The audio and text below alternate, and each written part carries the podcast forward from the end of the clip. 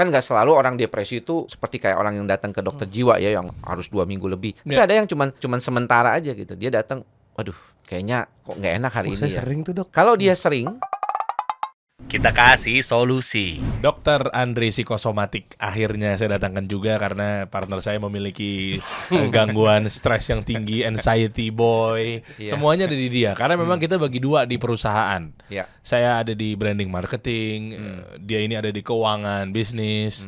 Nah, jadi eh, kalau target nggak tercapai urusan dia. Meskipun ujung-ujungnya bareng-bareng ya. Tapi sepakatnya gini, Ya. eh, Dokter Andri psikosomatik ini kan memang dok Anda ini kan memang kenceng banget di social media. Ya spesialisasi mengenai anxiety, stressed out, wah semuanya. Bahkan orang yang tadinya misalkan pengusaha bangkrut, nggak sedikit juga yang memang mohon maaf ya ODGJ misalnya, ya gantung diri. Ada kayak beritanya coba lihat deh. Nih dok, lihat tuh dok. Nah makanya saya rasa pantas mendatangkan anda ke sini untuk memecahkan para pengusaha-pengusaha yang sekarang hilang arah dok.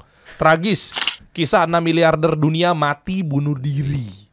Bukti uang bukan sumber kebahagiaan. padahal udah miliarder ya. Hah. Miliarder. Oh berarti harusnya triliunan nih hartanya biar nggak bunuh diri. Mungkin kita kira kan orang tuh bahagia bisa dengan uang. Walaupun memang ada betulnya juga. Iya, iya, iya, iya. Karena kalau nggak ada uangnya agak susah juga tuh. Bisa stres juga tuh. Ada beberapa yang memang sulit kan. Apalagi zaman sekarang seolah-olah di daerah kapitalis sekarang ini kan selalu orang berkata bahwa asalkan gue punya duit lebih banyak, mungkin gue bisa lebih bahagia. Iya, iya, iya. Karena mau healing juga atau mau ke dokter aja kan butuh duit juga.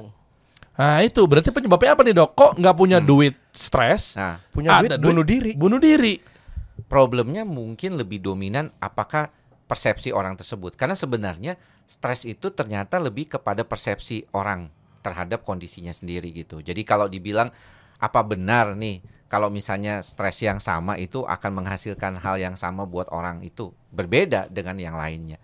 Bisa jadi si A itu menganggap ah itu mah biasa aja lu sih Hmm. cuman lu nya aja yang terlalu berpikir ke, apa kejauhan gitu. Mm-mm. Sedangkan si B bilang nggak bisa. Ini harus diberesin nih masalah kayak gini nih nggak bisa dianggap enteng gitu. Jadi ada orang yang mungkin kalau kita bilang di dalam praktek itu perbedaan orang menghadapi stres itu tergantung juga dengan latar belakang kepribadian dia, termasuk bagaimana dia dibesarkan di dalam keluarga. Hmm. Oke. Kalau Oke. orangnya santai gitu, bawaannya Iya, iya, iya. easy going gitu, Ah. mungkin jarang. Tapi Iya, kalau orangnya perfeksionis, dia akan lebih gampang mengalami gangguan-gangguan seperti Sip. itu. Nih kita bahas aja dari awal nih dok ya. Sebelum nanti eh, saya bawa Renat karena memang dia mau curhat banyak banget. Hah? Seputar kere- keresahan-keresahan. Ya kan nanti silakan aja Nat lu utarakan. Tapi gini intinya mungkin kita bahas dari awalnya gini eh, dokter Andri. Eh, sedikit mungkin pengen tahu berarti dokter kan psikosomatik ini kan berbeda dengan apa? eh, sama kayak psikiater juga atau? Iya, pendidikan saya dokter, dokter umum dari FKUI, Oke. lulus tahun 2003, Heeh. kemudian mengambil spesialisasi kedokteran jiwa, lulus sebagai psikiater tahun 2008. Jadi saya udah 15 tahun bekerja sebagai dokter jiwa. Oke. Nah, tahun 2010 saya sempat ke Amerika ya, Hmm. dari 2010 kemudian tunda 2011 kayak ah, karena nikah 2012, 2013, 2014 itu mengambil course singkat terkait dengan pendidikan psikosomatik medis.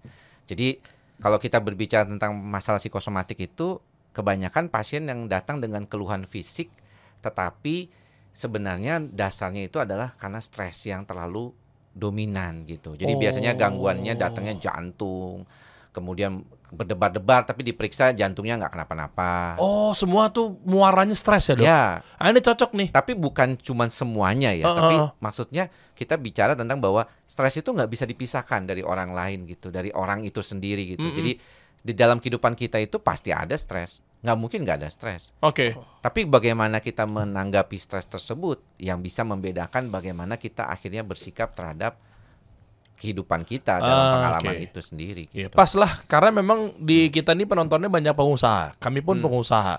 Kita coba runut deh. Eh, benar, coba Nat. Pengusaha tuh rata-rata stresnya apa aja pertama? Eh, Iya, target. omset enggak? target, target. gajian. Ya, Menuju tanggal 25 Heeh. bagi yang perusahaan yang ngegaji karyawannya tanggal 25 itu stres tuh pemilik Ya. perusahaan tuh. THR. hmm. THR banyak Target yang nggak tercapai. target terus Investor nagih.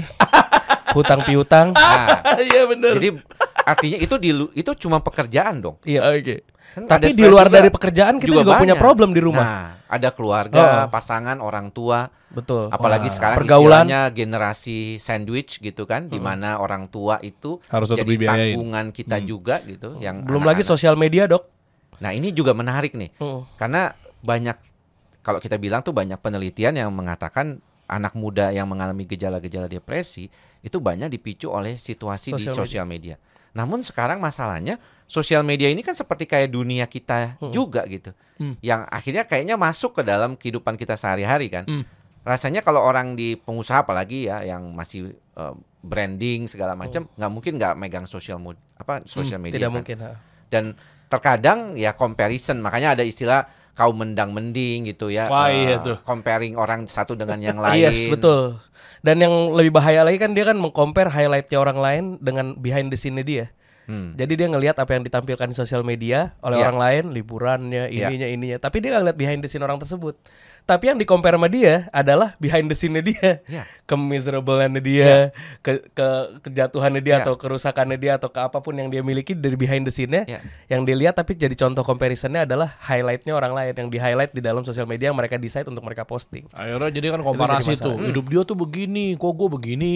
Karena- Ah, panjang tuh. ketika itu kan biasnya tuh jadi banyak gitu ya kita Hmm. melihat bahwa orang itu bisa melihat segala sesuatunya itu jadi ada sesuatu dulu di awalnya itu kan indera kita nih melihat merasakan mata oke. gitu kan terus kemudian dia proses di otak kita nah di proses di otak kita ini kan tergantung pengalaman hidup orang tersebut makanya kalau dibilang kalau misalnya orang itu di dalam kehidupannya sehari-harinya dari sejak masa kecil sampai dewasa muda cukup senang gitu ya, cukup terpenuhi segala macamnya, nggak terlalu gampang stres gitu, Hmm. itu lebih lebih gampang gitu.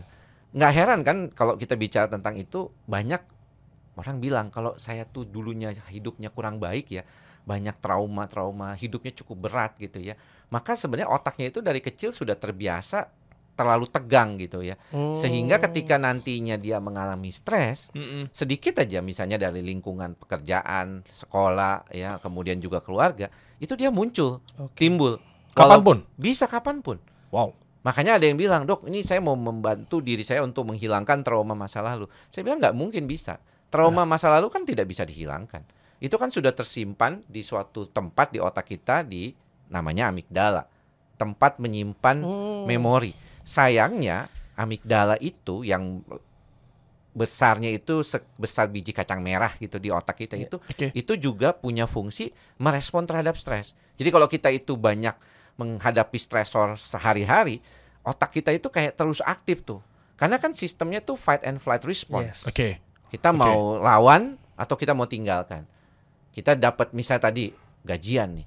Waduh, mendingan gua bilang aja lagi nggak ada duit dulu, gua kabur dulu deh ke mana, matiin HP semuanya gitu Iya, kan. iya, iya, atau ya udah gua hadapin bilang ke anak-anak bahwa memang kita ada agak berat nih, apalagi zaman pandemi dulu kan. Heeh. Ya semuanya orang tercekik gitu kondisinya gitu kan. Eh, Oke, sebenarnya gini dok, kita bahas dari dasar dulu deh dok. Hmm. Eh, why gitu? Kenapa orang bisa stres? Dan dia nyasarnya ke mana sih? Eh, polanya tuh maksudnya apakah dari mata dulu udah pasti ke otak, Hmm. atau mata ke hati, Nah, atau mata kesentuhan? Ini kan macam-macam nih dok. enggak. Ya kan? Apa mindset? Apa semudah dengan kayak, ya lalu atur aja kali mindset lo, susah amat sih. Eh, Nah. gimana sih maksudnya ini stres ini gimana coba? Stres Eh. itu sebenarnya kan suatu keadaan di mana tekanan hidup ataupun situasi kehidupan kita itu ya dipersepsikan sebagai sesuatu yang harus segera diselesaikan oleh otak kita. Jadi stres itu perlu. Kalau kita nggak ada stres, kita Nggak dinamis. Nggak akan diam-diam growth. aja. Nggak akan Jadi kalau misalnya ngelihat ada satu kayak Kurva. sejenis kurva gitu Ah. ya. Kalau kita itu warnanya hijau gitu ya, kita nggak ada stres, no stress, gitu udah diam aja kita santai, nggak ngapa-ngapain gitu. Malah salah itu. Iya. Tapi kalau Oke. misalnya ada stres, misalnya ya janji nih mau podcast di sini. Ya itu ada stresor, ada tambahan. Oh, Oh iya ya berarti saya harus atur jadwal nih. Ya saya tadi harus batasi pasien dulu. Kemudian saya lihat jam kira-kira kalau datang dari Jakarta ke Tangerang dan sebaliknya itu nanti kalau saya selesai dari podcast ini saya bisa praktek lagi jam berapa gitu. Itu kan saya udah Itu pikirkan. Itu tuh satu stres yang saya kemudian bisa kasih solusi.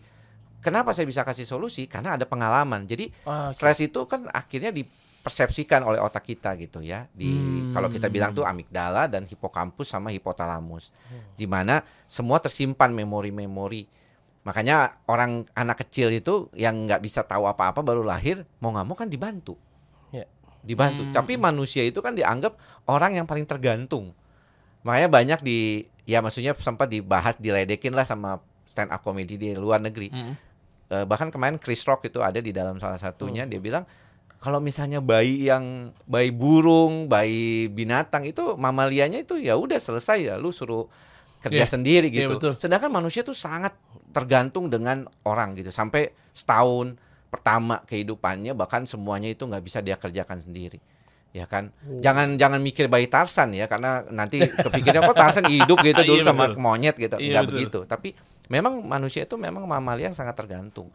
Nah sumber-sumber stres itu bisa dari awal kehidupan, termasuk bagaimana misalnya kita punya orang tua yang tidak memenuhi kebutuhan kita gitu ya, kebutuhan dasar ya, misalnya makan dibiarkan lapar ber, ber- apa berhari apa bermi bukan berminggu-minggu tapi berjam-jam gitu ya nggak Hmm. dimasukin eh, makanan. Itu menimbulkan perubahan itu di dalam sistem saraf pusat kita. Amigdala kita mulai berasa oh ternyata dunia ini tidak seperti yang kita harapkan sama kayak di dalam kandungan ibu. Karena di dalam kandungan ibu kan semuanya dapat kita tinggal duduk aja. Diam ya. posisi santai gitu kan semuanya dapat makanan dapat apa dapat semua tuh 9 bulan begitu. Mm-mm. setelah kita lahir stres pertama kita menangis kan. Mm-mm. karena kita merasa aduh gua nggak bisa napas nih. Akhirnya dia napas pertama kali paru-paru mengembang. Jadi kan manusia butuh stres. Karena dengan stres pertama kali kehidupan dimulai yaitu napas itu kan Berarti Ah, stres oke. itu sebenarnya positif dong. Bisa positif bisa jadi growth. makanya di dalam ilmu psikiatri psikologis itu ada istilah eustress Hmm. atau stres yang apa stres yang baik yang positif gitu ada yang namanya distress Mm-mm. jadi kalau misalnya orang itu dalam optimal stresnya dia bisa melakukan semua kegiatan dengan baik Kapan kita tahu, Dok, itu menjadi distress? ketika kita merasakan adanya suatu keadaan tekanan gitu. Hmm. Jadi bisa berbeda nih tiap orang. Kok kayaknya tuh merasa ini kayaknya overwhelming gitu. Hmm. Mulai ada tanda-tanda seperti kayak cemas yang nggak tahu datangnya dari mana kadang-kadang. Hmm. Ada perasaan kayak putus asa bahkan kalau untuk yang lebih berat. Walaupun cuma sekilas. Kan nggak selalu orang depresi itu gejalanya itu ada yang langsung seperti kayak orang yang datang ke dokter jiwa ya yang harus dua minggu lebih. Tapi Ya. ada yang cuman transien aja gitu, cuman sementara aja gitu. Dia datang, waduh, kayaknya kok nggak enak hari Oh, ini saya ya. sering tuh, Dok. Nah, kalau dia sering, hati-hati itu sebenarnya kan penanda buat kita. Kenapa bisa ODGJ? Hmm. Tunggu tunggu, gini dok, Gimana? gini dok. Saya juga, Gimana? saya juga gini kan. Saya ada masalah di lambung juga nih. Hmm. Asam lambung saya Ya. suka naik. Terus kata bilang kadang-kadang anxiety bisa datang juga dari asam lambung. Ya. Nah, saya tuh agak bingung nih. Saya anxiety gara-gara asam lambung saya lagi naik, atau saya anxi- eh, asam lambung saya naik gara-gara saya anxiety. Bisa dua-duanya. Jadi Oh. bisa kalau ketika asam lambung itu kan sebenarnya selalu ada. Jadi seperti kayak air ini gitu ya, isinya tuh anggaplah sepertiganya itu itu asam lambung kita. Jadi selalu ada asam lambung itu di dalam tubuh kita. Tapi kemudian kalau misalnya ada stres, maka otak itu kemudian akan memerintahkan untuk segera melakukan aktivitas yang berkaitan dengan bagaimana tubuh menghadapi stres. Salah satunya adalah biasanya nih, pertama dia s- bili- bilang nih, eh stop dulu nih, stop eh, aktivitas yang nggak perlu. Kita perlu tingkatkan denyut jantung kita, karena kita mau bersiap-siap melakukan sesuatu nih, Nah, oke. deg-degan jantung kita. Hmm, oke. Kemudian perut kita stop, jangan bergerak, makanya kembung kan, berasa kayak Iya. kembung. Eh, Nah, karena asam lambungnya ada dan dia kembung, peristaltiknya menurun, mungkin masih ada makanan, maka asam lambungnya ikut Naik. berasa naik gitu. Tambah lagi kalau misalnya produksi asam lambung meningkat karena si tubuh itu merasa, eh, gua harus makan dong kalau mau menghadapi stres. So, a- ayo makan. Makan itu dia keluar dulu pelan-pelan asam lambungnya. Eh, tiba-tiba stresnya itu juga harusnya ditambah dengan makanan. Itulah mengapa banyak orang yang kalau stres obesitas. maunya makan mulu. Hmm. Obesitas sih nantilah ujungnya. Iya, iya. Tapi setidaknya dia mau makan mulu karena dia butuh energi nih. Dia tubuh dia butuh energi karena akan menghadapi situasi tertentu. Nah, bayangkan kalau kita setiap hari tuh begitu. Kita setiap hari begitu berasa kayaknya waduh. Gua kenapa ya? nggak enak nih. Rasanya edgy. Makanya ada teman-teman kita yang bilang, "Kok gua berasa kayaknya badan gua nggak enak terus deh. Setiap hari bangun tidur tuh tegang, nggak tahu kenapa kok sakit ya, Yes. badan kayaknya. Tapi nggak jelas dari apa. Kayaknya tidur cukup. Iya dok. Wah, gue sekalian konsul kayak. Iya, iya. itu yang saya rasain. Dan Dok. itu Betul. Orang selalu ada, makanya kenapa saya bidang saya di bidang psikosomatik sebenarnya karena saya melihat orang itu tidak mengenali kondisi stres itu sebagai keluhan yang sifatnya psikologis, apalagi stigma. Tadi kan Mas Dery bilang, ya kenapa nggak selesai dengan berpikir positif aja? Iya. Nggak bisa dong, karena kita lagi dalam keadaan stres begini nih, kondisi kita, terus terus kita disarankan untuk berpikir dengan otak yang lagi nggak bener itu gitu. Oh nggak semudah tiba-tiba. Oh udah puter aja mindsetnya. nggak bisa. Tapi justru saya gara-gara itu jadi kan saya sering baca ya dok, Hmm. ya, sering baca, apalagi baca-baca quotes quotes apa segala macam begini. Ya supaya buat netralisir Ya. itu semua gitu Ya. kan, biar jadi hati saya jadi tranquil kan. Entah ngambil dari buku-buku agama atau dari buku-buku literasi-literasi lain, Ya. tenangin hati. Berarti kan saya udah belajar untuk berpikir posi- positif terus dong. Ya. Saya bisa manage itu menurut saya. Tapi itu tetap ada. Nah. Perasaan overwhelm Hmm. dan lain-lain yang saya nggak harapin. Enggak nih ngapain sih gue pikirin? Gue saya udah nolak itu dok dari dari gesture saya. Hmm. Gue udah nolak itu. Enggak nggak perlu gue pikirin. Ntar bakal jalan sendiri segala macam. Tapi day berhenti lagi cedek berasa lagi. Iya.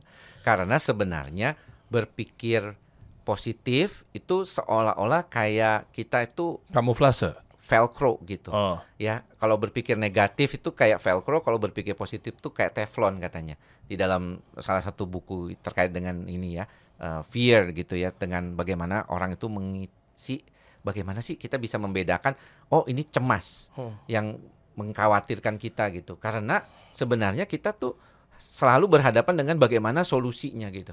Jadi otak kita tuh selalu kalau ada stres itu kasih solusi gitu, kasih solusi. Nih, gimana nih, segera nggak? Nah kalau dia nggak dapet atau nggak ada pengalaman gue, ya waduh gimana nih? Hmm, yes. Nah itu akan menimbulkan kecemasan kan. Jadi ketika kita berhadapan dengan sesuatu yang baru, kita tuh akan stres dulu untuk menandakan bahwa lu harus mikir, lu harus kasih solusi segera untuk hadapi kondisi ini. Kalau enggak, oke. bahaya nih. Oke. Nah ini menarik. Eh, sebelum saya bahas mengenai apakah LGBTQ itu adalah, kalau saya emang setajam itu dong kalau Ah. bertanya ya. Eh, sebelum kita bahas itu LGBT, eh, LGBT itu adalah bagian dari memang gara-gara pemicunya di anxiety, akhirnya ujung-ujungnya ke sana gitu kan. Kita kan nggak tahu kan. Wah selama ini gue dapat tekanan dari sini, akhirnya gue benci laki-laki, akhirnya ya udah gue ke sini aja misalnya dan seterusnya. Eh, cuma mau yang kita bahas itu adalah gini dulu dok. Eh, agak lompat bentar mengenai ODGJ sekarang bilangnya nggak boleh bilang gila ya. Ya, sebenarnya ODGJ Oke. ini kan orang dengan Gangguan gangguan, jiwa. jiwa. Oke. Dan gangguan jiwa itu banyak, bukan Ah, cuma oke. schizophrenia atau orang yang awam bilang Nah. gila. Berarti kita ngomongnya berarti schizophrenia dulu ya. Kalau mau bicara tentang Itu- itu yang deh. berat, Itu ya. yang schizophrenia Nah, berarti. saya dari dulu sampai sekarang tuh penasaran dok. Nggak tahu teman-teman juga nggak tahu Renat juga ngerasain Ya. sih. Sesimpel meskipun itu juga ya nggak penting-penting amat buat diri saya misalnya. ya. Tapi adakah edukasi yang memang harus saya telaah lebih dalam? Contoh. Orang tuh bisa gila atau ODGJ atau schizophrenia ya, Ya. istilahnya. Itu pada saat puncak apa sih dok? Contoh, apakah memang stres yang tinggi banget akhirnya uratnya tes putus Ya. gitu? ya. ya kan gue gue dari dulu tuh suka random banget bro Nah. random kayak ngeliat pinggir jalan beneran deh bukan maksudnya kita mem- mem- menghujat mereka Ya. kita suka kayak berpikir gitu apakah nantinya bisa kena ke saya Hmm. ya kan edukasi jadi ke Ya. situ kan saya pengen Ya. dapat ilmu itu gitu kenapa gitu putus kah Nah. sampai atau memang nggak perlu stres misalnya jangan-jangan level-level yang eh, lagi cooling down tiba-tiba tes putus juga gitu akhirnya dia kayak eh gue kok jadi gini ya gitu Hmm. Ya. apa ah, terus pertanyaan berikutnya yang dia rasakan apa Hmm. mereka sadar nggak sih ketika dia misalnya maaf telanjang di pinggir jalan gitu Ya. gitu dari mana sih dok sebenarnya Jadi kalau Hah? bicara statistik nih, Heeh. sebenarnya pasien yang mengalami gejala sampai schizophrenia itu Heeh. hanya satu persen dari populasi Dunia. dunia. Oke, Dari- kecil. Kecil Oke. kan Oke. berarti kecil. Ah. Lebih besar gangguan depresi dan cemas yang mencapai 15 sampai 25 persen. Paling tinggi tuh dok. Ya kebanyakan memang demikian. Hmm. Nah kalau di Indonesia sendiri dari Riskesdas 2012 nih data lama memang hanya sekitar 0,7 persen yang mengalami schizophrenia itu. nah proses cara biar eh, apa eh, kenapa dia begitu gimana dok Sebenarnya sampai sekarang kita nggak tahu. Hah? Jadi kalau ditanya kenapa apa sebab orang itu bisa mengalami lompatan dopamin yang berlebihan yang menyebabkan terjadinya ya? gejala-gejala Sampai schizophrenia. halusinasi, Iya, sampai delusi. Ada waham delusi itu nggak ada yang tahu. Tapi biasanya kita harus hati-hati di usia-usia muda. Biasanya laki-laki itu biasa start di usia 14 sampai 20 tahun. Heeh. Kalau perempuan lebih tua, yaitu sekitar 20 sampai 30 tahun. Jadi kalau anak-anak muda laki-laki itu kalau misalnya bisa aja nih ya, pemicunya tuh bisa sederhana. Orang Apa kan sih? bilang, "Oh, dibully nih sama sama ininya gitu ya, sama Seniornya. sama seniornya tuh." Hah. Kalau dibully itu menjadi penyebab, saya bisa kena juga dong.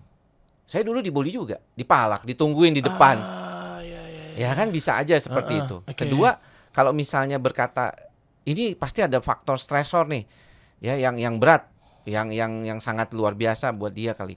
Enggak juga, karena ada beberapa kondisi ringan saja mulai Nah, langsung. itu dia. maksud saya. Jadi tiba-tiba Oke. situasinya itu dominan. Mengapa demikian? Hah? Karena memang istilahnya tuh udah bawaannya dia, speknya dia itu secara genetik ada. Jadi istilahnya kalau Oh, anggaplah kalau dia memang secara genetik nggak ada bawaannya Oh, itu, oke. dia mau stres kayak apa pun ya paling jadinya cemas Mm-mm. atau jadinya sakit lambung Mm-mm. atau rasanya badan berdebar-debar gitu nggak enak. rasanya Berarti nggak ada genetiknya tuh dia. nggak ada. Oh, Nah, oke. jadi orang bilang, aduh, gua ngeri banget nih, stres, takut gila, gitu kan? Ada yang ngomong Iya, iya. gitu kan? Kalau memang dia nggak ada, istilahnya nggak ada gennya untuk jadi seperti Oh, itu. Berarti dari struktur Ya, dari otaknya itu, Dok. Iya. Tapi kenapa dia bisa berubahnya itu di tengah-tengah, bukan Exactly. dari awal? Exactly. Memang biasanya itu baru perkembangan awalnya itu makanya secara statistik dibilang di usia-usia rentan tuh 14-15 tahun. Makanya sering kali kalau kebetulan kam- saya sendiri kan eh, tinggal di daerah Banten dari lahir kecil di Tangerang gitu Oke. ya. Eh, kita sering melihat kan eh, banyak pasien-pasien gangguan kejiwaan berat kan dulu juga pernah ada tuh katanya dibiarkan di daerah eh, ujung Iya, Tangerang gitu ya dilepas. begitu Hmm. aja. Sebenarnya kita sudah tahu bahwa banyak di antaranya tuh tidak mendapatkan pertolongan yang tepat di awal. Sehingga harusnya dari awal dia sudah diobatin. Hmm, oke. Cuman orang kan mikirnya ini bukan gangguan medis ya. Jadi Mm-mm. orang mikirnya oh jangan-jangan ini gangguan yang sifatnya lebih ke ya ketempelan setan lah Hmm, atau iya, ada iya, iya, masalah berkaitan dengan yang lain kayak gitu. Ini yang mesti diperhatikan. Oke, dokter tadi bilang umur 14 sampai 14 sampai 20 itu pertama kali 14 kena. sampai 20 itu pemicunya lah ya di umur-umur segitu. Pertama kali kena itu di situ biasanya di Nah, usia-usia segitu. Itu kan genetik. Artinya kalau memang udah ngelewati kayak saya nih umur 34 tahun, udah ngelewatin fase-fase itu. Hmm.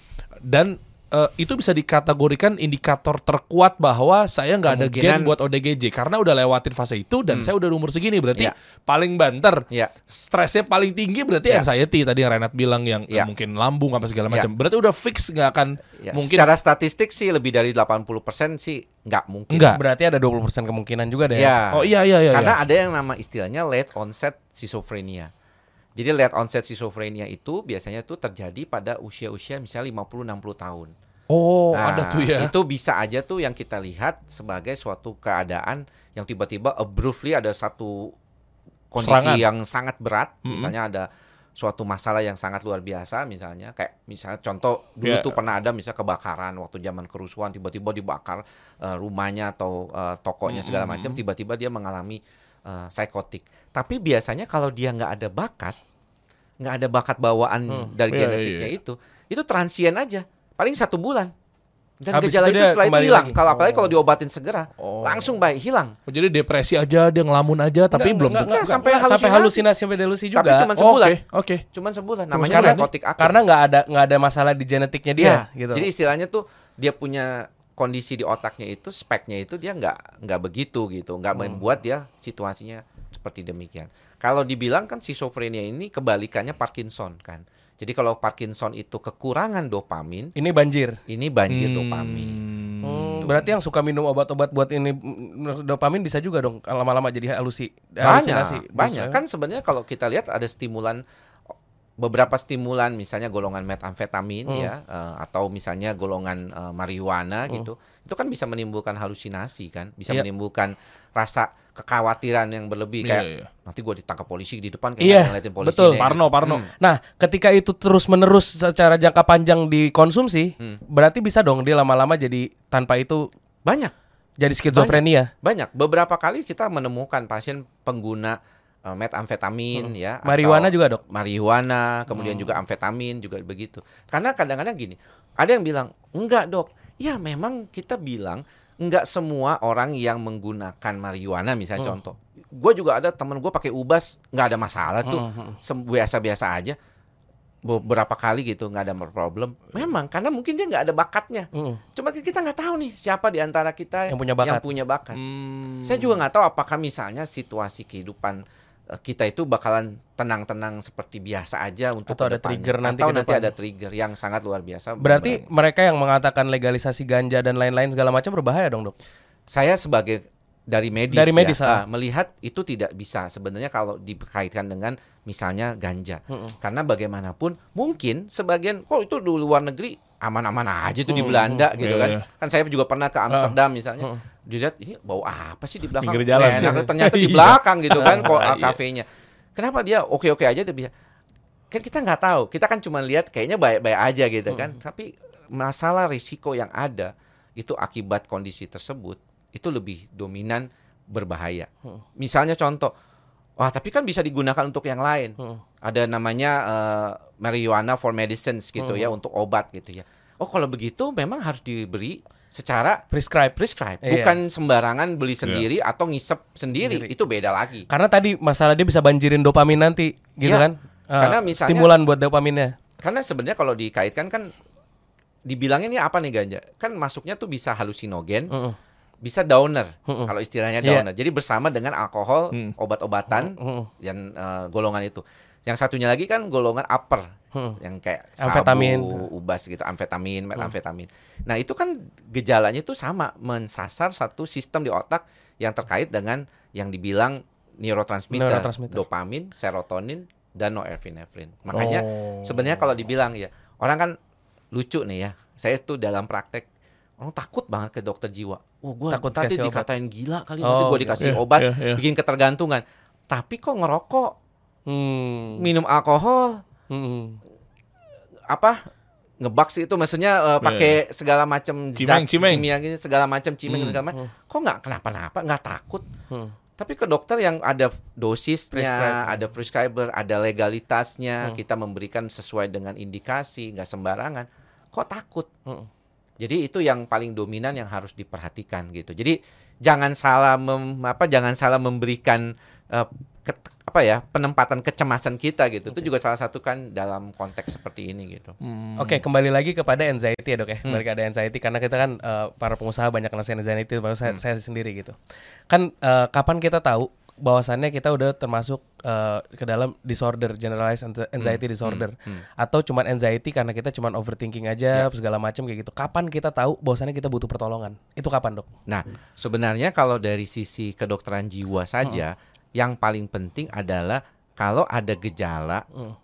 ya terkait dengan pikiran, perasaan dan perilaku yang mengganggu kehidupannya sehari-hari sehingga dia tidak bisa berfungsi secara normal, secara produktif gitu Oke. ya. Nah, namun tadi kenapa ada istilah produktif? Itu ditambahin sama WHO tuh. Oke. Jadi WHO tuh tahun 2005 tuh menambahkan pokoknya kalau disebut sehat jiwa bukan cuma nggak ada gangguan jiwa, Tapi dia nggak tapi produktif. juga harus produktif. Oke. Jadi kalau ada orang yang sehat, sehat ya fisiknya nih, Iya. mentalnya sehat nih, nggak kenapa-napa, tapi dia nggak produktif, itu dianggap tidak sehat jiwa loh sekarang. Nggak nggak berada ada gangguan jiwanya Iya, berarti. bukan hanya berada kondisi gangguan jiwa. Jadi sehat jiwa itu bukan berarti tidak ada hanya gangguan jiwa, tapi dia produktif, dia bisa memberikan kontribusi buat lingkungannya. Hmm. Makanya orang kan sekarang makin lama apa ya kalau kita bilang tuh kepinginnya itu kan makin tambah daripada dulu. Dulu kan yang penting menghasilkan uang cukup, Iya. keluarga sehat bahagia, tenang bersama keluarga. Kalau sekarang kan pengen memberikan sesuatu buat sesama, Yes. pengen berguna buat lingkungan. Meaningful ya gitu. sekarang ya. Nah, Purpose. jadi purpose-nya tuh agak sedikit berbeda, apalagi anak-anak yang sekarang gitu. Makanya banyak istilah-istilah yang kemudian muncul kan ada smart work dan segala macam yang itu. Oh oke. Nah, ini menarik teman-teman deh. Eh, akhirnya dari awalnya stres yang kecil dan seterusnya, banyak kan ya teman-teman pengusaha juga larinya tadi udah saya singgung di awal ya. Mungkin akhirnya jadinya dia jadi pembenarannya ketika dia LGBT dan seterusnya. Ah, ya berarti kan gua kan stres nih, gua kan butuh perhatian nih dan seterusnya.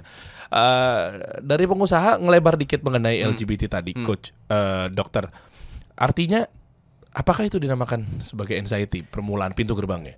Nggak ada yang pernah bilang begitu. Makanya saya nanya. Hmm, karena kalau misalnya kita bicara tentang nggak usah banyak-banyak dah ya LGBTQ, aduh jangan kebanyakan tuh ya. Iya iya iya. Kalau kita bicara bicara tentang homoseksual aja deh, Oke. salah satunya lesbian and gay gitu ya. Mm-mm. Kalau di dalam kedokteran jiwa sampai sekarang pegangan di PPDGJ 3 dan ICD-10 itu homoseksual itu masih dianggap bukan gangguan jiwa. Tapi ada yang ngomong itu adalah gangguan jiwa. Ya, itu memang banyak karena Oh. pengaruh dari kondisi lingkungan, sosial dan segala macam. Maksudnya persepsi kita terhadap kondisi tersebut kan bisa aja. Nah, yang paling dominan ya saya sih selalu balik ke buku aja gitu ya. Oh. Pegangan bukunya adalah memang PPDGJ dan ICD-10 mengatakan itu bukan masalah kejiwaan. Lalu? Jadi bukan masalah gangguan Oh, kejiwaan. lalu? Tetapi memang ada apa adanya aja gitu. Jadi orientasi seksual tuh sama aja kayak oh ada cowok ya orientasinya nih cewek heteroseksual. Mm-mm. Kemudian ada biseksual. Kemudian ada homoseksual. Mm-mm. Udah se- se- se- sederhana itu aja. Nah, kan menjadi tidak sederhana kalau kita sudah mulai menambahkan kayak misalnya bagian dari moralitas, keagamaan misalnya kan. Iya, misalnya, betul. wah itu di agama dilarang, Dok. Yes. Oh iya. Kalau dari persepsi apa persepsi atau perspektif Hmm. Agama, ya kebanyakan dilarang udah pasti. Tapi di agama pun juga ada beberapa orang yang mengatakan enggak juga. Kan makanya beda-beda. Makanya kalau saya ditanya seperti itu, balik lagi. Kalau menurut saya berdasarkan buku yang saya baca, eh, pedoman diagnosis gangguan kejiwaan yang kita pakai sehari-hari Apa di buku dalam apa dok? Eh, istilahnya. PPDGJ Oh, namanya, oke. pedoman eh, eh, Mhm. eh, gangguan jiwa ya, pedoman eh, diagnosis gangguan kejiwaan itu sampai sekarang dikatakan memang dia tidak termasuk gangguan kejiwaan. Jadi homoseksual ya, eh, gay dan lesbian. Nah, kalau transgender memang di situ masih dianggap gangguan, Gangguan jiwa. jiwa. Hmm. Walaupun mungkin sekarang di beberapa negara kan udah mulai pakai ICD-11, DSM-5, berkembang. ada Hmm. istilah gender dysphoria, kemudian juga ada istilah mungkin gender identity disorder tapi Uh. sekarang udah mulai berkurang Lagi gitu ya, ramai bahwa, banget dok ah, di luar dok. Ini oh enggak, ini bukan. Makanya kan sekarang kita bisa kena cancel gitu ya karena salah pronouns. Iya. Ya, kita salah nyebut orang nih kan saya juga kadang-kadang saya sih nggak menggunakan ya di di apa di eh, di He, di saya she, they. ada he or she gitu ada They. them they, They, gitu kan jadi ada yang bahkan mengatakan saya ini tidak punya orientasi seksual Hmm. atau saya ini eh, nggak punya gender jadi fluid gitu gendernya itu em, apa ya fluid itu kan apa tuh cairan mengalir Iya. gitu Mhm. Nah, ini yang sebenarnya kadang-kadang mungkin sebagian orang menganggap apakah itu bukan gangguan kejiwaan, Dok? Yes. Memang betul. Di ba- di barat sekalipun ada beberapa kontroversi terkait dengan hal tersebut. Yang mana mengatakan bahwa oh ini kayaknya gangguan kejiwaan. Nah, biasanya yang datang ke saya itu kita membantunya itu apa yang kita perlu bantu? Apakah misalnya situasinya yang terkait dengan cemasnya karena dia Hmm, merasa oke. kok ini salah nih, badan gua nih salah nih. Ya, Gua Gue bukan laki-laki, Ah. gue perempuan. Padahal dia laki-laki secara Ya. seks, biolo bi- biologically dia Ah, laki-laki gitu. Tapi dia atau- ngerasa dia perempuan. Iya, atau sebenarnya gue tuh nggak tahu kenapa. Pokoknya situasinya tuh menjadi sangat sulit lah. Bahkan ada beberapa yang misalnya mau ganti kelamin. Ya, ganti kelamin itu juga salah satunya yang sekarang lagi eh, lumayan terkenal Iya. gitu, yang lagi dominan. Tapi kalau saya sih melihatnya ya, di Indonesia itu kita termasuk yang cukup ramah kalau untuk berkaitan dengan lesbian dan transgender. Kalau menurut saya pribadi, ini pendapat pribadi Kenapa? saya Kenapa bisa dikatakan ramah? ramah itu dalam artian kita nggak terlalu masalah. Tapi kalau di dalam gay, media sosial Oh, kita oh. itu kalau ribut itu lebih ribut masalah homoseksual. homoseksual, Ah, oke. laki sama laki. Gay, gay laki sama laki. Kalau Oke. perempuan sama perempuan, Pada suka. trans saya nggak ngomong begitu ya. Transgender Iya. itu kita nggak terlalu karena kita melihat itu di dalam kehidupan sehari-hari dan fine. Iya dan Banyak- dan dan dan eh, cewek sama cewek pegangan Ya, itu, itu kok kan nggak lebih- nggak itu ya tapi Ah, giliran cowok sama cowok langsung matanya Ya. begitu. Iya. Eh, cipika cipiki cewek sama cewek giliran cipika cipiki cowok sama cowok langsung kok Ya, jadi gitu makanya sih gitu.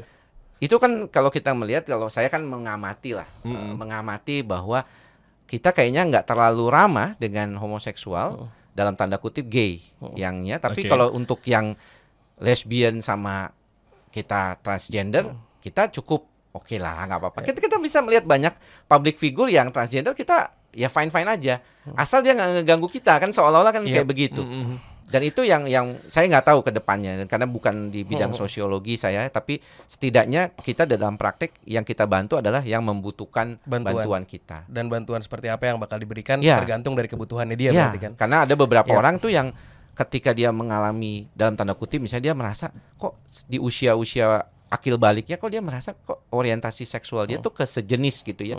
Itu dia nggak suka. Dia nggak Yes. mau. Jadi dia bukan ada orang oh ini gara-gara salah gaul kali lu di dibikin jadi homoseksual. Nggak juga. Ada yang memang muncul sendiri, memang dia muncul gitu dalam artian dalam dirinya. kondisi itu, tapi dia nggak suka. Nah, itu yang biasanya berobat. Oh, ada keresahan tersendiri Iya. gue anxiety nih. Padahal gue laki, tapi Iya. kok gue demen sama laki Ya, ya gitu. ya? jadi namanya kalau di bidang psikiatri kita bilang ego dystonik. Jadi kita merasa ini nggak benar. Ada pasien dokter yang kayak Oh, gitu. banyak. Boleh tahu ceritanya? Banyak. Jadi misalnya dia Oh. merasa pada saat mulai usia 14 15 tahun, sebenarnya dia udah mulai 12.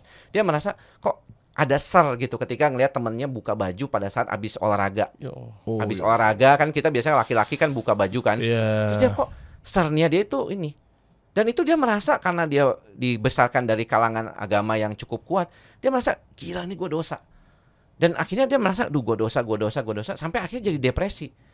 Nah orang tuanya kan cuma ngelihat, ini kan anak depresi kenapa ya? Apa masalah di keluarga? Nggak ada masalah, pendidikan semuanya aman. Dan dia datang ketika dia datang, terus kemudian kita ketemu gitu, dia bilang itu sebenarnya problemnya itu karena saya kok merasa asing dengan diri saya. Kenapa kok saya bisa begini gitu? Padahal saya nggak mau loh dok kayak begini. Nah kita berusaha mengatakan bahwa apakah kita membiarkan dia begitu terus atau uh, membiat uh, membuat dia jadi normal begitu ya. Sebenarnya biasanya kalau orientasi itu memang nggak bisa diubah pada dasarnya. Orientasi tidak bisa diubah. Oh ya? Iya, yang bisa diubah adalah perilaku. Jadi kalau Yes. perilaku homoseksual itu itu kan Mhm. bisa juga dialami atau dilakukan di dalam penjara misalnya. Hmm, kan banyak juga Oke. tuh yang kita bicarakan Iya. seperti itu. Tapi kalau misalnya orientasi nggak bisa. Orientasi itu makanya nggak semuanya juga orang homoseksual itu Act melakukan Ah.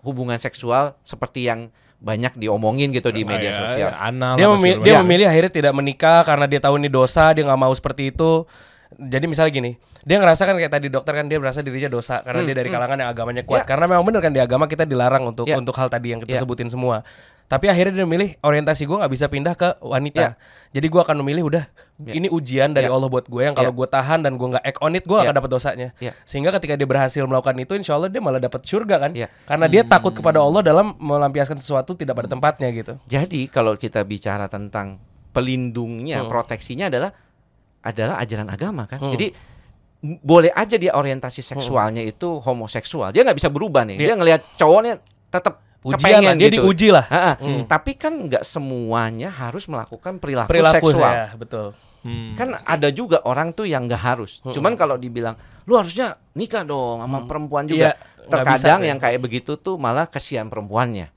dan menambah dirinya depresi juga kan dok Iya, Karena karena, dia- dia, kan oh. tidak bisa mendapatkan Oke. sesuatu yang sebenarnya nggak juga dia harus dapatkan juga Ya, gitu. tapi kalau kayak gitu lebih baik dibiarkan apa diobati dok? Maksudnya kan eh, saya nggak tahu ya, Hmm. bisa jadi saya salah, bukan langsung justifikasi. Tapi ketika dia dibiarkan, dibiarkan, khawatirnya malah hormonnya makin naik, makin naik, makin naik, malah jadi memperparah gimana dok?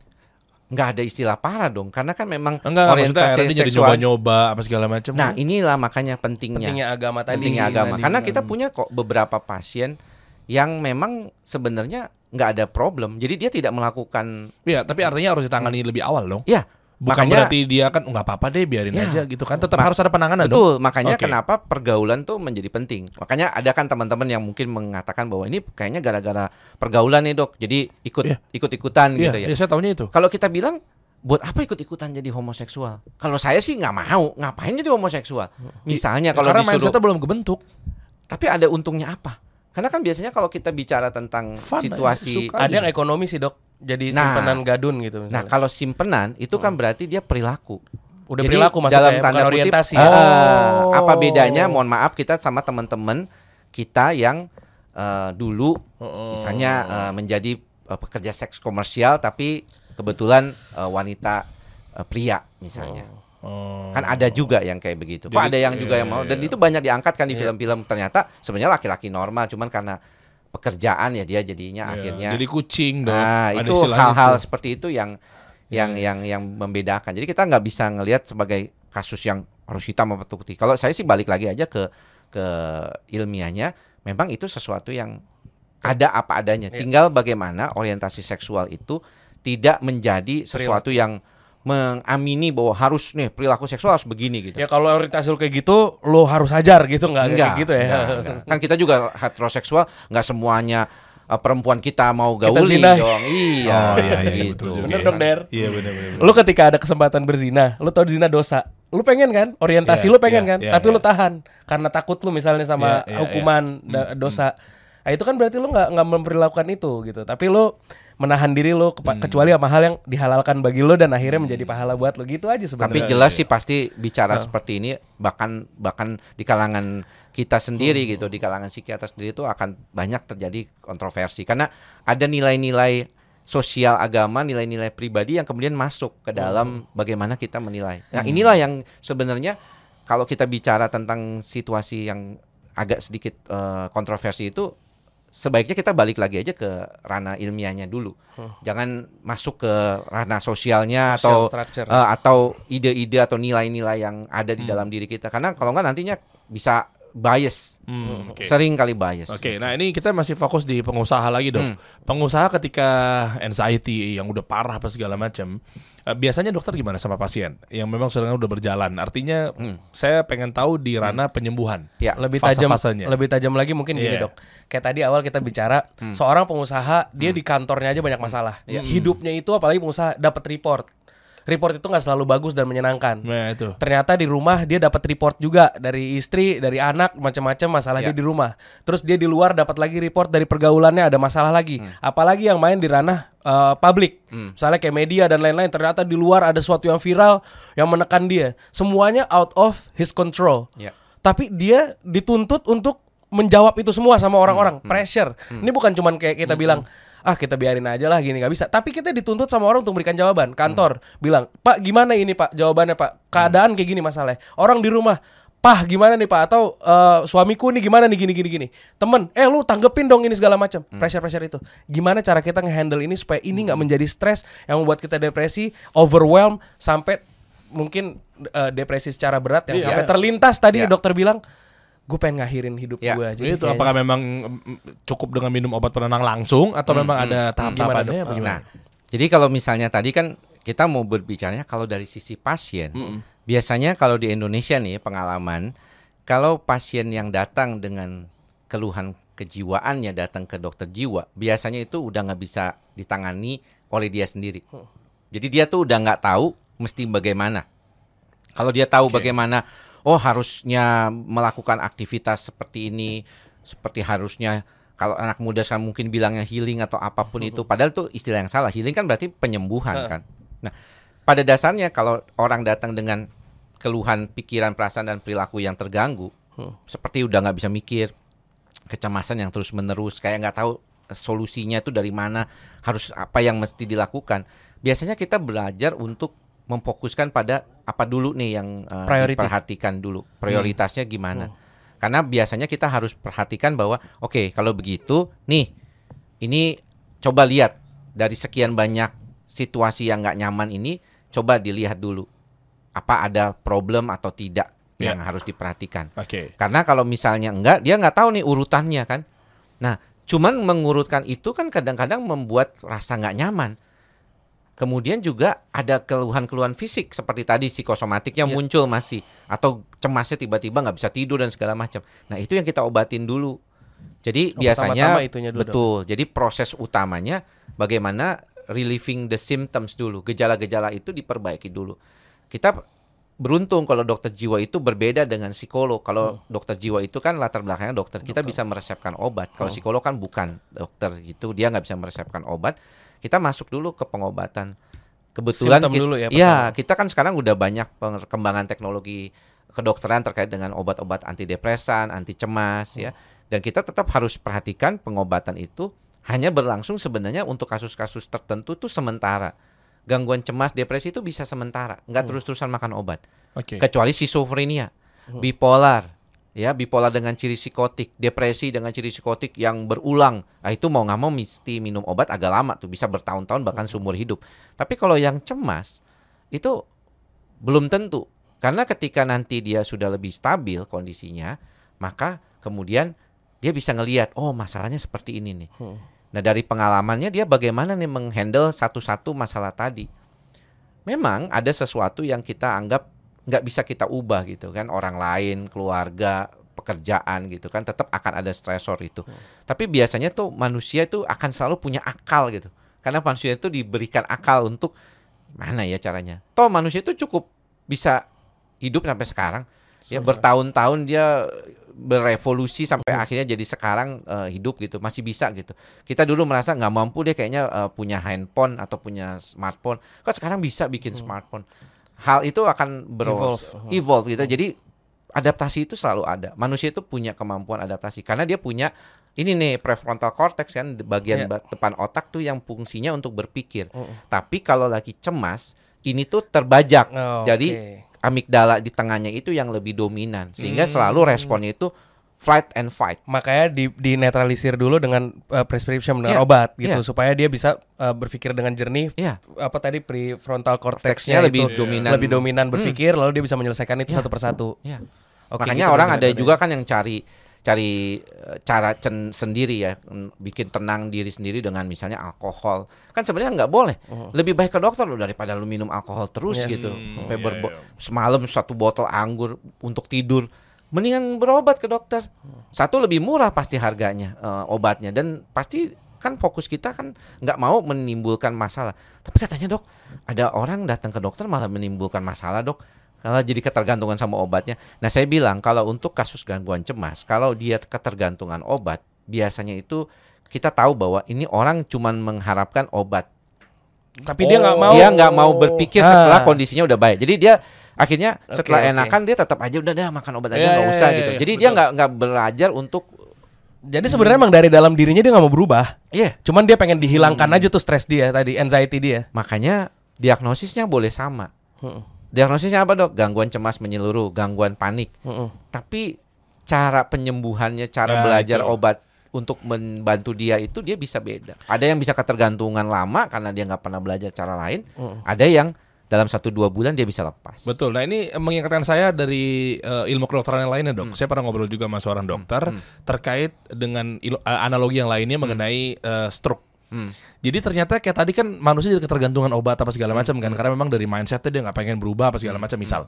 Mengenai stroke juga demikian. Saya pernah ketemu dokter katanya gimana cara penanganan stroke selain memang ada cara-cara yang lain ya, mungkin obat atau bekam dan lain sebagainya gitu ya, memang atau operasi macam-macam lah untuk eh, meredakan pembuluh darah apa segala macam. Ternyata gertongkat juga menjadi satu acuan tuh dok ketergantungan. Makanya rata-rata ada dokter yang pernah saya ngobrol eh, malah jangan dipakein tongkat. Oh. Ngeraba dia. Misalnya eh, menjalar lah. Karena kalau nggak jadi jadi Ah, tergantung. tongkatan kan. mulu. Jadi yang ada malah dia pengen coba Ya. untuk memulihkan tangannya yang mungkin tadinya eh, saraf-saraf tertentunya sering ya, ya mungkin mencong lah apa segala macamnya, jalannya pincang.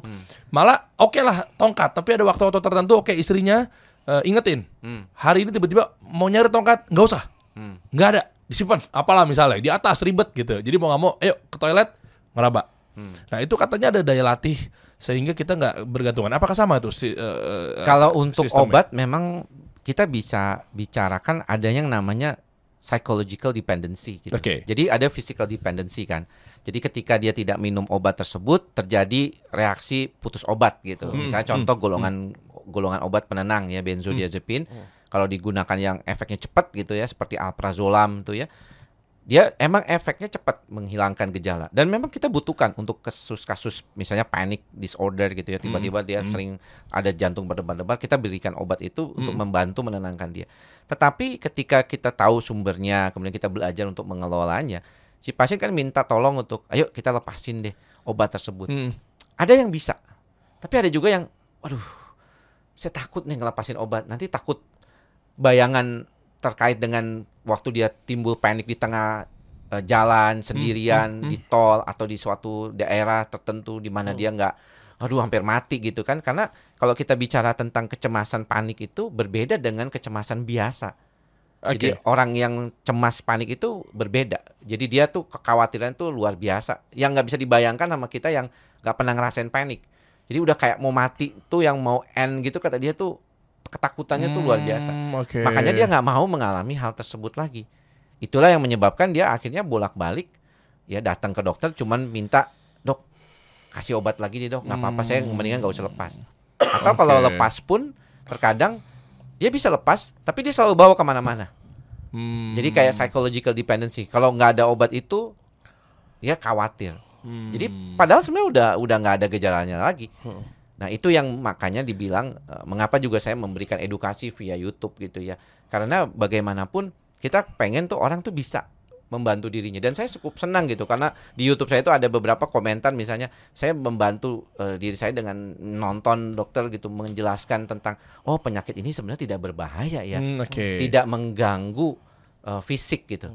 Gangguan cemas itu tidak menyebabkan mati ya Hmm. depresi nggak menyebabkan mati tapi kalau depresi tidak diobati dengan baik kita bisa tiba-tiba merasakan kok sakit yang luar biasa hati kita itu dan akhirnya kayaknya lebih baik mati Nah itu. nah itu kan ada beberapa orang yang mengalami itu makanya disarankan untuk tetap harus belajar bagaimana mengelola perasaan itu sendiri Nah, gitu, supaya ini. lebih lebih baik kayak gitu Betul, ada juga yang berperasaan misalnya dia nggak bisa ngelola gara-gara dia posting terus tiba-tiba like-nya kok kecil ya.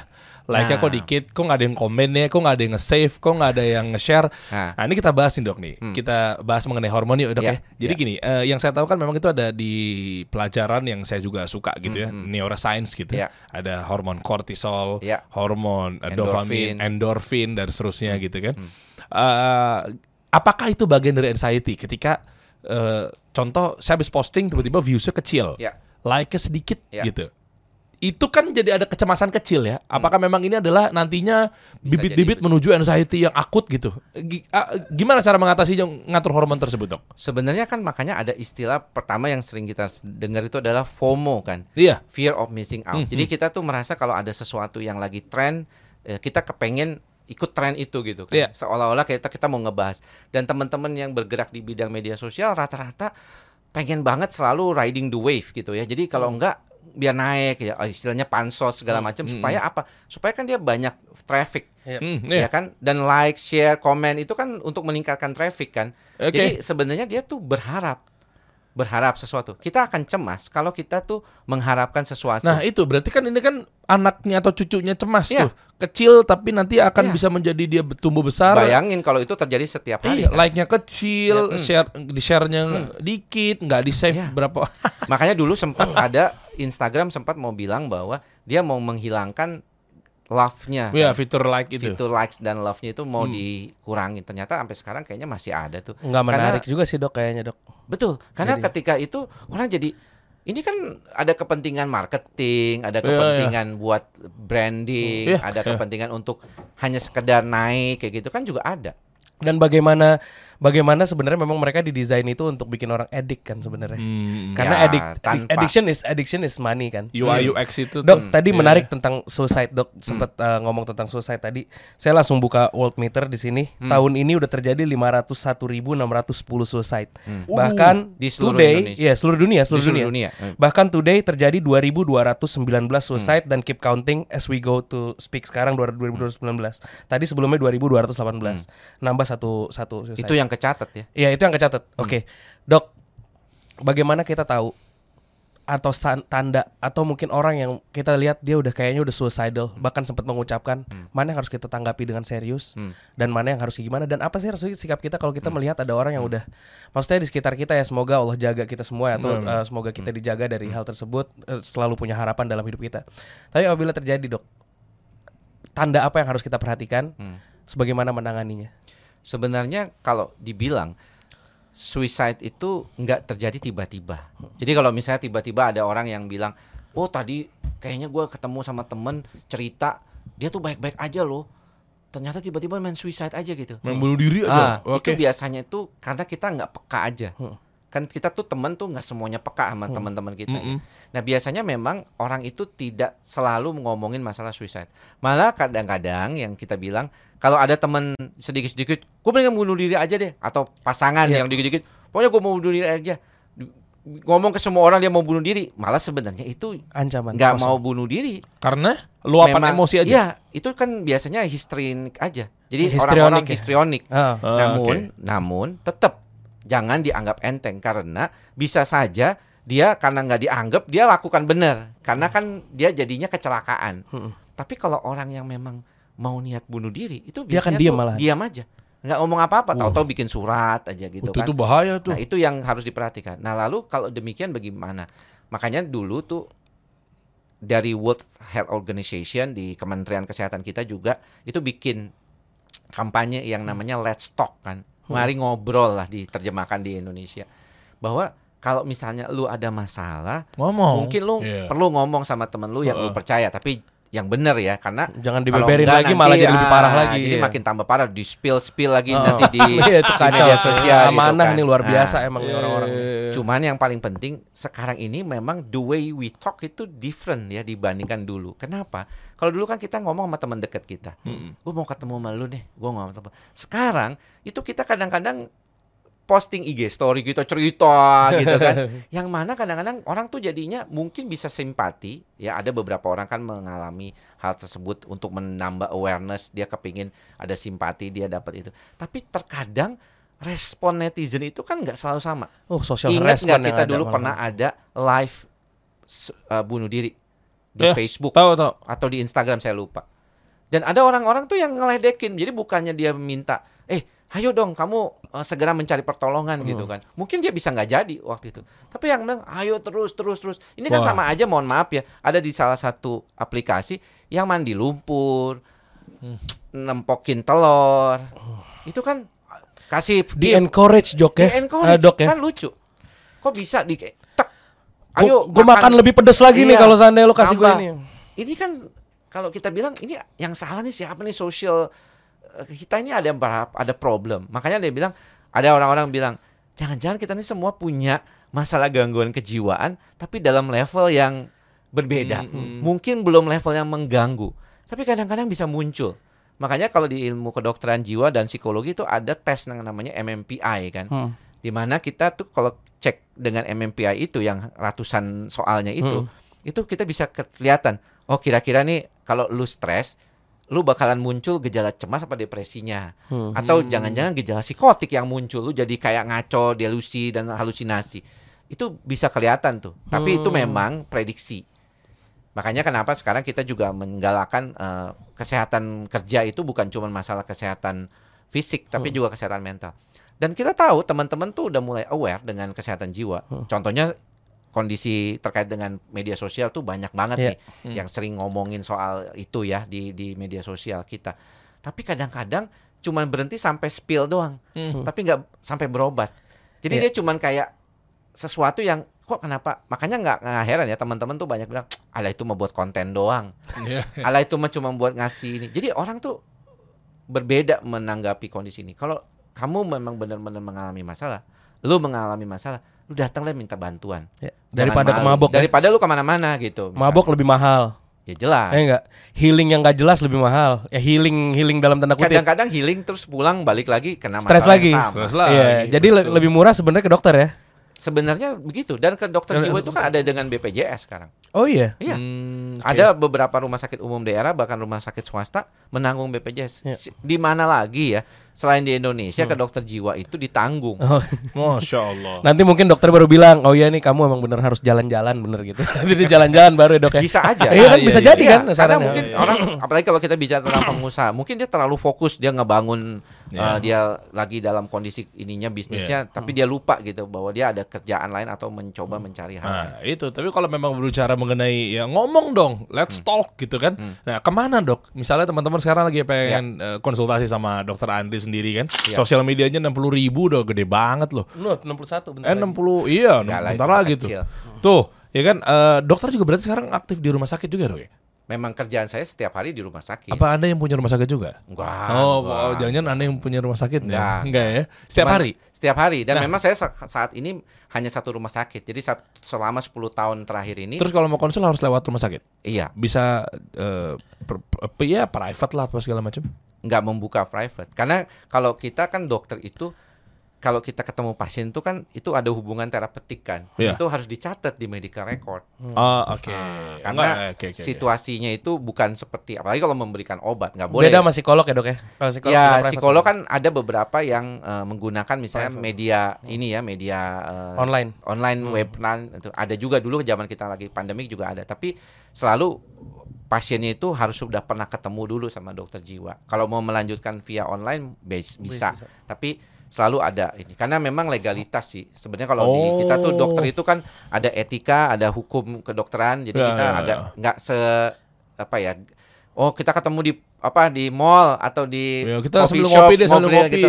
Terus wah susah itu. Nggak bisa begitu. Kalau ya? itu psikosomatik EMC itu apa dok? Itu eh, tempat prakteknya. Iya. Jadi dulu tuh kita bikin seperti kayak klinik lah. Jadi Mhm. klinik psikosomatik karena membedakan antara saya dengan teman-teman eh, sejawat psikiater yang punya minat mungkin ada yang di anak, Oke. ada yang di geriatri atau lansia. Nah, saya minatnya di bidang psikosomatik. Tapi rumah sakitnya di Rumah Sakit EMC Alam Sutra Iya, itu. Oke. iya. Oh, itu MC prakteknya di sana dok. MC apa tuh? Apanya? Eh, kepanjangannya. Elang Medika Corpora dulu nih Omni.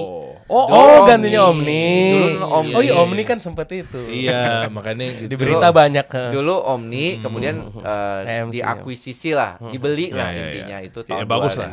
Ya, rebranding emang lebih Itu, Dok. bagus. Ya, ya, ya. Kita bisa bilang kok aneh ya di masa-masa Covid rumah sakit bangkrut. Mm-mm. Gimana cerita itu? Tapi mungkin menurut saya banyak yang begitu. Karena kan harusnya kan dibilang Hmm. tempat tidur nggak cukup, ini nggak cukup. Tapi kok malah ada yang bangkrut gitu ya agak, artinya agak se- sedikit. demandnya lebih tinggi dibanding supply harusnya aman gitu dok. Ya, tapi Demandnya kan tinggi, supply dikit Iya. kan waktu itu kan. Tapi, Tapi ternyata ada yang bangkrut itu. ternyata kan men- merawat pasien COVID itu perlu treatment itu khusus. perlu treatment khusus, terus perlu tempat khusus. Kita nggak bisa berubah dari rumah sakit umum tiba-tiba jadi, Jadi rumah, rumah sakit, sakit khusus oh, COVID. iya. Nggak Oh, bisa. bisa. Jadi istilahnya orang wah ini eh, dapat cuan gede nih rumah sakit.